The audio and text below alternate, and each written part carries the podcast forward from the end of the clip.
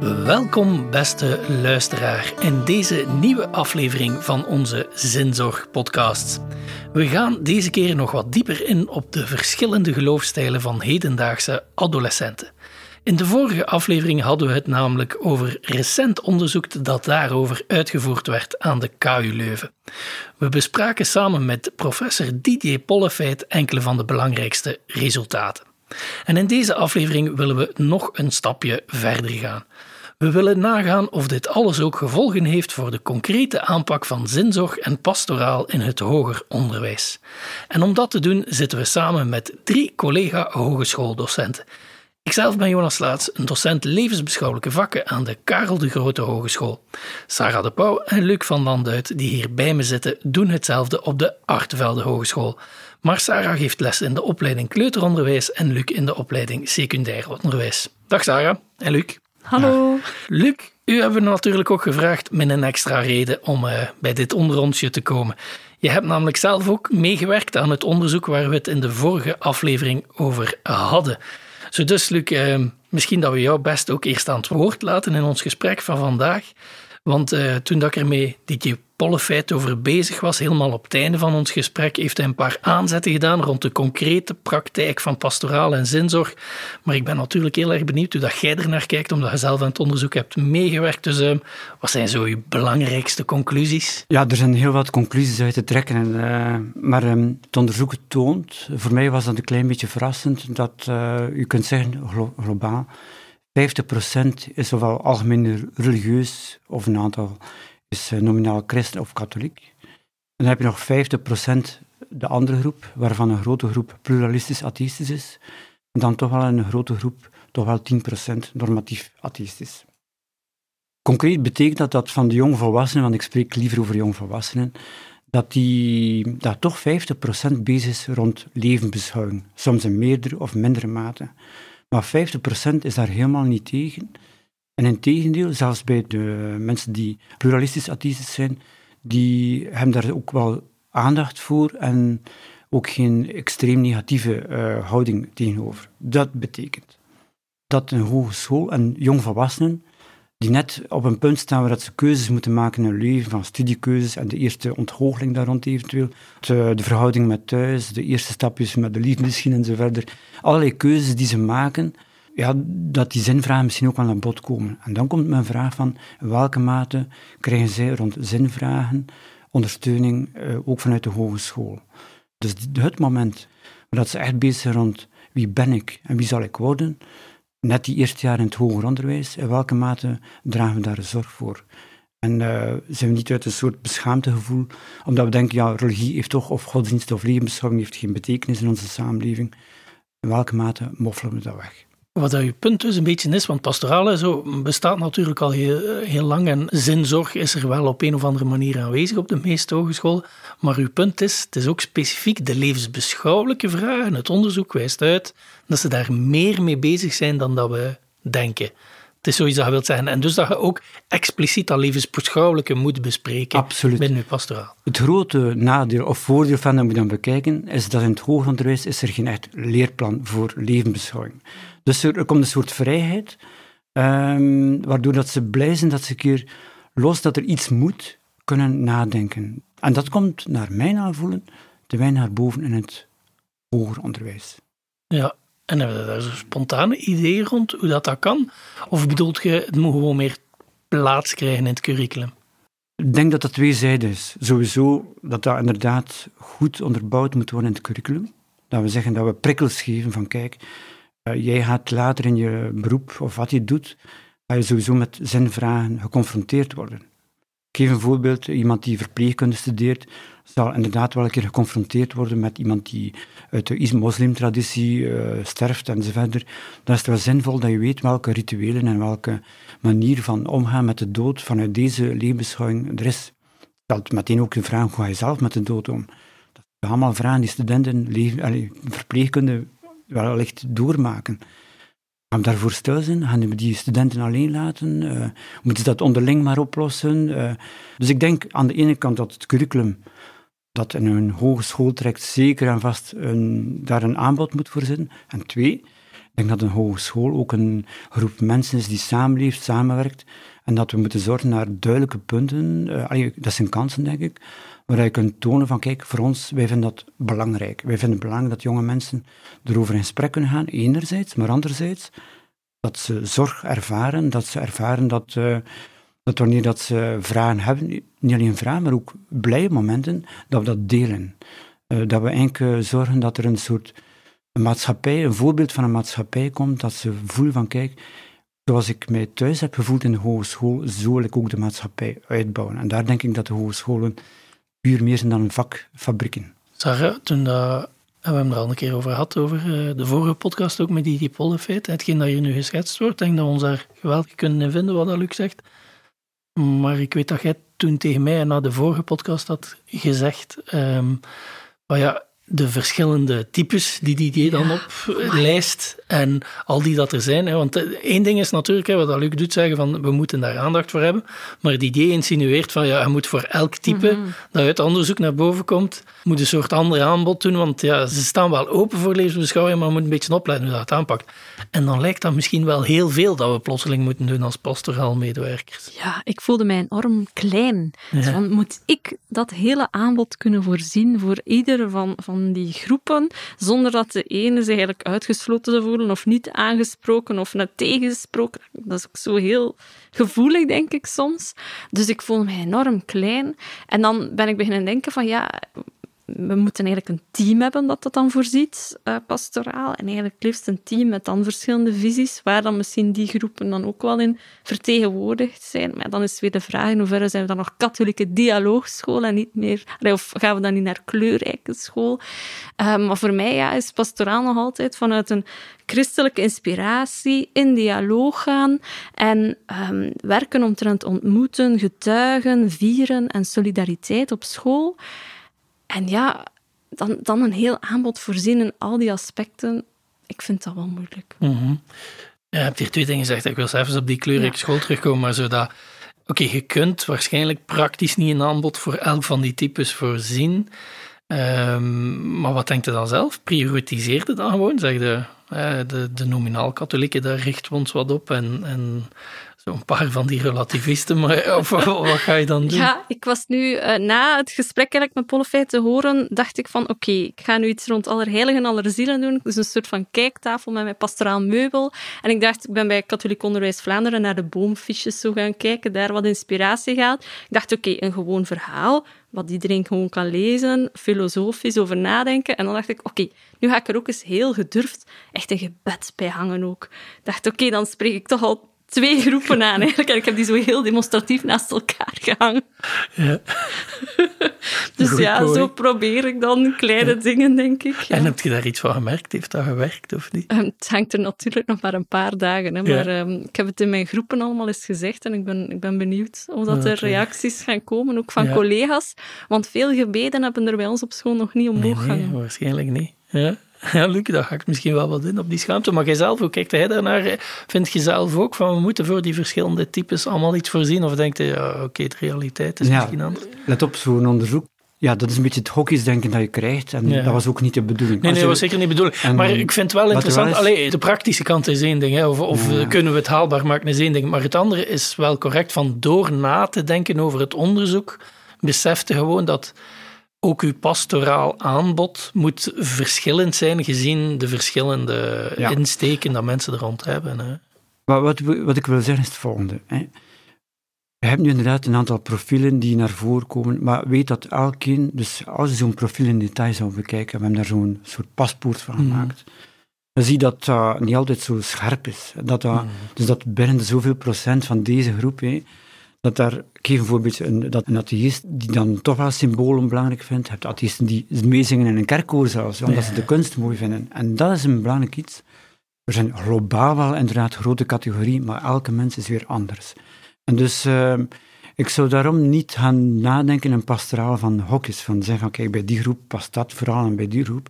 Ja, ja, je kunt dat wel in de achtergrond uh, bedenken, maar ik denk, uh, als je een katholieke dialoogschool bent, dan uh, wees eerlijk daarin. Ofwel ben je dat, ofwel ben je dat niet. En dan moet je ook niet beschaamd zijn om al, of niet een gebed uit te gaan. Dat mag. Er bestaan prachtige gebeden die perfect ook door een, zelfs een atheïst als waardevol kan uh, gelezen worden. Oké, dat zal een andere laag zijn, maar die meerlagigheid heb je in heel veel gebeden en, en teksten. Dus ik denk, ah, put uit uw rijke traditie, waar ook katholieken geworsteld hebben met bestaat God wel of niet en dit en dat. Er is een grote rijkdom in die katholieke traditie om die verschillende lagen wel te beantwoorden. Um, dus dat beschaamd zijn, dat zou ik echt niet willen. Maar daar zegt het, hè, mocht u uiten als katholieke dialoogschool. En, um, maar in wat voor mate, dat Sarah er net opmerkte, hè, komt er niet terecht in de realiteit van vandaag gewoon. Hè, als je zegt van we proberen onze pastoraal zo breed mogelijk houden voor verschillende types. We gaan niet gaan categoriseren in vakjes stoppen, dat is het idee niet. Maar oké, er zijn verschillende types en die zitten ook, die verschillende types, bij, bij de collega's. Dus lijkt het dan logischer van een team te maken aan pastoraal doet dat niet per se altijd vanuit die katholieke identiteit zal vertrekken, zelfs niet eens als inspiratiebron. En dan komt het toch wel heel erg dicht in een, in een kleurrijk model. De vraag is nog maar of dat dan een probleem is. Het is gewoon, stel mij de vraag, is dat niet gewoon de realiteit? Ja. Ja, eerst uw vraag over de team. Hè. Ik vind het erg belangrijk dat mensen net die geen vak levensbeschouwing geven, deelnemen in een werkgroep pastoraal op school. Waarom? Dat toont net, ook al ben je onzeker, dat toont net dat je met alle openheid en alle vragen die je als mens hebt, dat je bereid bent om met jonge mensen daar in gesprek over te gaan. En dat vragen ze ook. Maar wat mij fel bijgebleven is, is dat in de gesprek met de zestal uh, studenten en zo verder, dat die allemaal zeggen dat ze heel veel opgestoken hebben van die onverwachte momenten. Omdat ze een leraar op een authentieke manier zien uh, spreken over leven, over hun leven eventueel. Hoe dat zij in moeilijke situaties en ook in blije situaties dingen hebben gekozen. Mhm. En ik denk, is uiteraard een uitnodiging voor alle collega's die geen vaklevensbeschouwing geven. Laten we de zin en de vraag rond de zin en zingeving van jonge mensen niet uh, wegstoppen. Zo. Laten we die jonge mensen ook ontmoeten als mens en en hun verhaal kunnen doen. Dat ze, als het een keer moeilijk gaat, en als ze vragen hebben, dat ze bij ons terecht kunnen.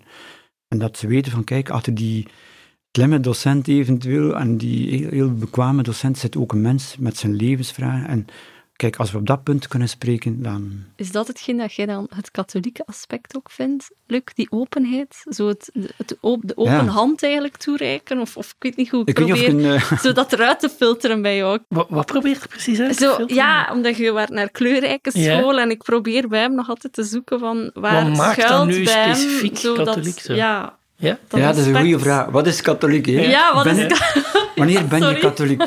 Wanneer ben je katholiek? Uh, dus, ja. Of een katholieke school. Ah, ja. maar een katholieke school, op, ja, dat is misschien een detail die... Ja, heel strikt. Je zou zeggen, kerkelijk rechtsstaat, katholieke school is verbonden met een hele kerk en moet eigenlijk ook de regels van de kerk volgen. Dat is eigenlijk heel strikt eh, kerkjuridisch bekeken. Hè. Maar ik denk dat dat een beetje te zwak is voor ons. Ik denk dat... Mm. Uh, moet weten wat waardeer ik uit het katholiek denken, is namelijk de traditie van zorg. En als ik bedenk, bijvoorbeeld veel katholieke scholen zijn uiteindelijk gesticht door mensen die geld hebben gegeven aan allerlei, kloosterordes en ik weet niet wat allemaal. Er zijn veel mensen die, toen er nauwelijks onderwijs was, die echt hebben gezegd van kijk, er moet onderwijs zijn, er moet zorg zijn. Dat is iets wat mij altijd uh, het meest positieve aspect van katholiek denken is, een eindige zorg voor de mens. En ja, is dat niet typisch iets van Jezus en zo, die oneindige zorg, die tegen allerlei tradities zijn, een beetje... Het ja. is eigen aan de traditie, ik weet niet wat dat typisch is. Goh, ik weet, uit, je ziet de zorg overal in de wereld, dat is niet... Mhm. Ja, je hoort het ook bij de moslims. Als ik, kan, ik vraag een moslimstudenten bijvoorbeeld van... Wat is voor jou nu het meest belangrijke in, in jouw traditie? En dan antwoorden ze de armenzorg en de belasting voor de... Dus uh, oké, dat verbindt ons heel sterk. En dat we dat met woorden doen, hè, gebeden, teksten. En, en uit onze traditie, ik zou er als hogeschool, als instituut niet beschaamd over zijn. Dus mhm. die rijke traditie. Maar wat er dus inderdaad wel belangrijk is, dat, uh, ja, dat iedereen daar een beetje voor durft gaan. Hè. Ja. En het durft uit te spreken? Ja, maar dat is niet zo simpel. Hè. Um, verwachten dat ja, levensbeschouwing, we zijn allemaal een beetje minder levensbeschouwelijk vaardig dan vroeger. Hè. Mhm. Vroeger ja, lag de christelijke tradities of de tradities lagen echt, eh, alles was ingebed in die traditie. Nu kennen we nauwelijks nog de Bijbel eh, enzovoort. Dat is allemaal zeer beperkt. Zo Voor van- mij zit het hem daar een beetje. Maar je kunt dat zeggen, die zorg, oké, en dat is eigen aan de traditie. Maar net gelijk ik zei, ja, ik bedoel, dat zit overal. En je voelt dan direct eh, overlap met andere tradities even goed. En dus ingebed zijn in een traditie is uiteindelijk verwijzingen leggen.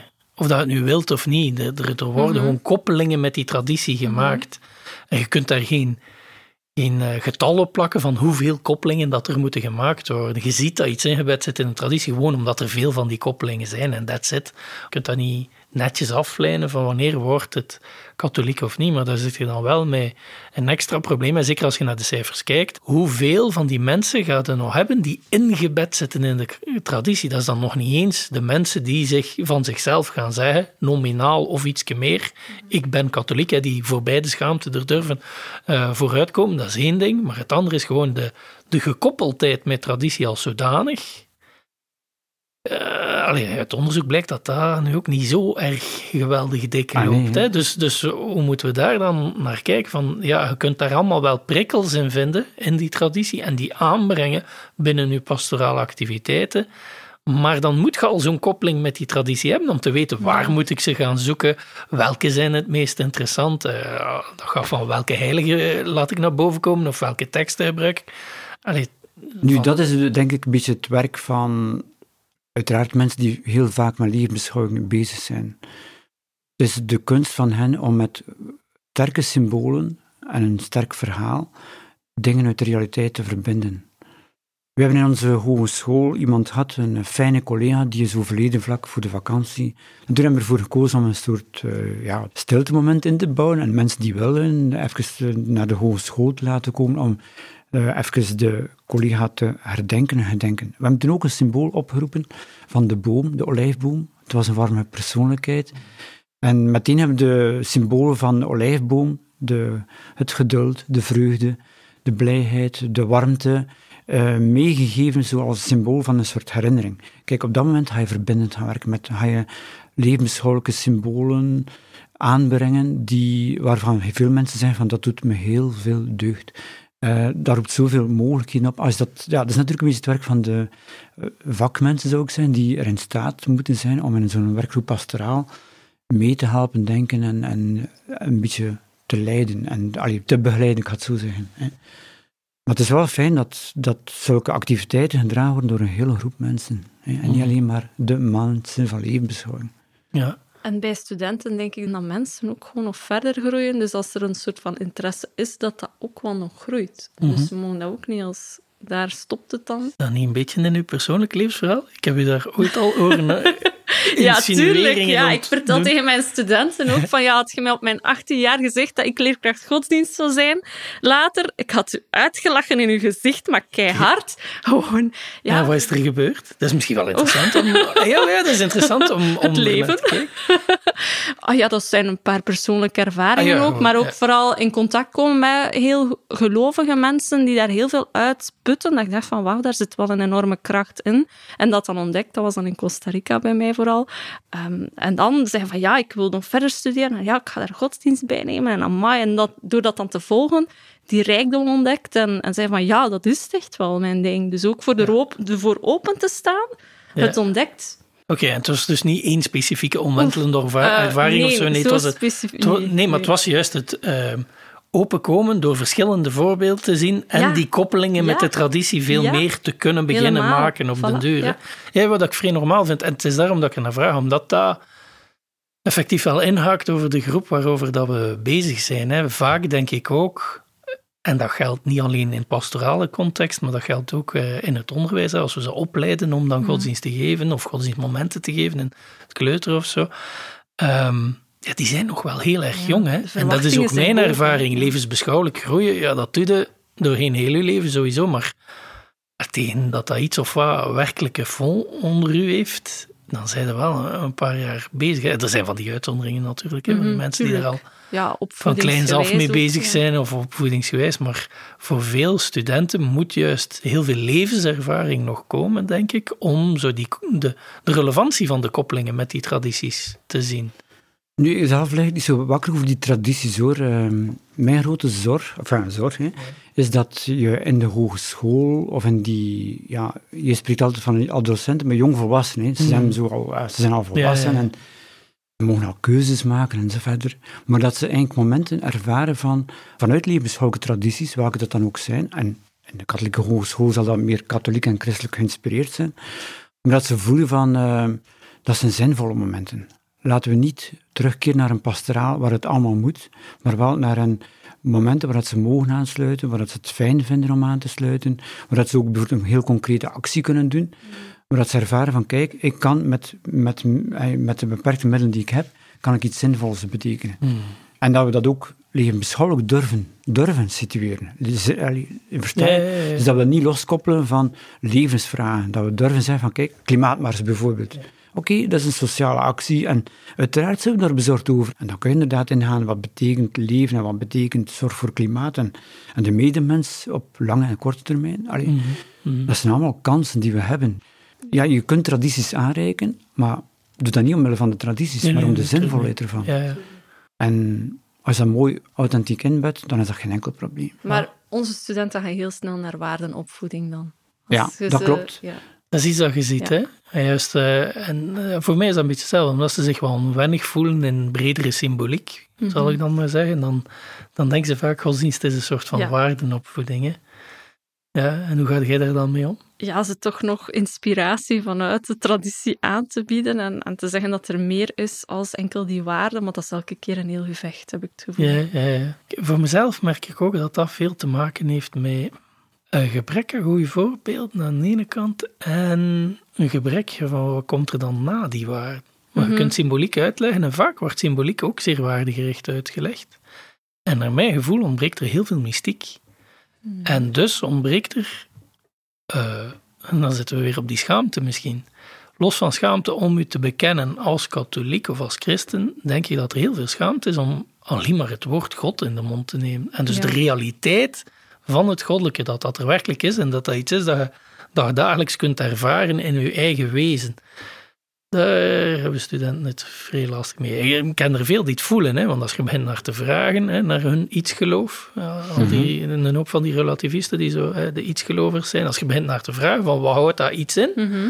komt op vrij mystieke gegevens, hè, maar daar is heel weinig taal voor om dat te verwoorden.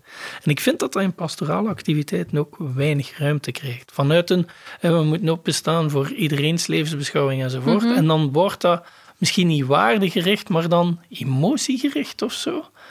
Ja, uw verdriet mag er zijn, uw blijheid mag er zijn en, en verbondenheid, maar die realiteit van dat goddelijke dat u draagt, eh, Mhm. minder. Ja, dat klopt. Dat is moeilijk, hè. we zijn er niet meer gewoon om Mhm. daarover te spreken. Maar mensen voelen het wel als je het als docent of zo, of ook verwoord. Hè. Mhm. Als je wat stiller wordt en zegt van kijk, eh, als je vraagt mij rond mijn levensbeschouwing, dan voelen ze wel dat je daar een hele wereld rond hebt. Hè. Dus dat dat een diepe spiritualiteit is. Dus dat je dingen soms wel wat afweegt in je, wegen, in, le- in je leven. Sorry. En dat je ook af en toe refereert naar bepaalde teksten of zinnen. Dat je zegt van, eh, bijvoorbeeld, mij valt dat op als ik aan studenten vraag, en zelfs studenten die godsdienst willen geven later, noem ik er een paar zinnen of verhalen die jou diep inspireren. Dan, dan wordt dat heel moeilijk. Gevoeld, ze hebben die woorden inderdaad niet. Oké, dan is dat zo. Maar dan is het wel de taak van mij om een beetje bloot aan te geven van kijk, dat, ik, ga je, ik ga je wel vertellen wat, ik, wat mij inspireert. En ook al heb ik er vragen bij, en is dat misschien niet de perfecte, Nee. is dat geen wetenschappelijk bewijs voor eh, dit of dat, maar er zijn dingen die in mijn leven mij wel inspireren, of momenten die mij inspireren, of teksten die mij inspireren. En dan moet ik die ook naar voren durven halen. En dan krijgen ze een moment waar dat studenten voelen van, dit is een zinvol gesprek. En dat hebben wij gedaan, bijvoorbeeld in, eh, in die vele cursussen hebben wij op een bepaald moment gezegd van, kijk, wij gaan in plaats van lesgeven in een grote groep, gaan we lesgeven en allee, een soort leesclub organiseren. Dan gaan we een aantal teksten gebruiken in groepjes van zes studenten.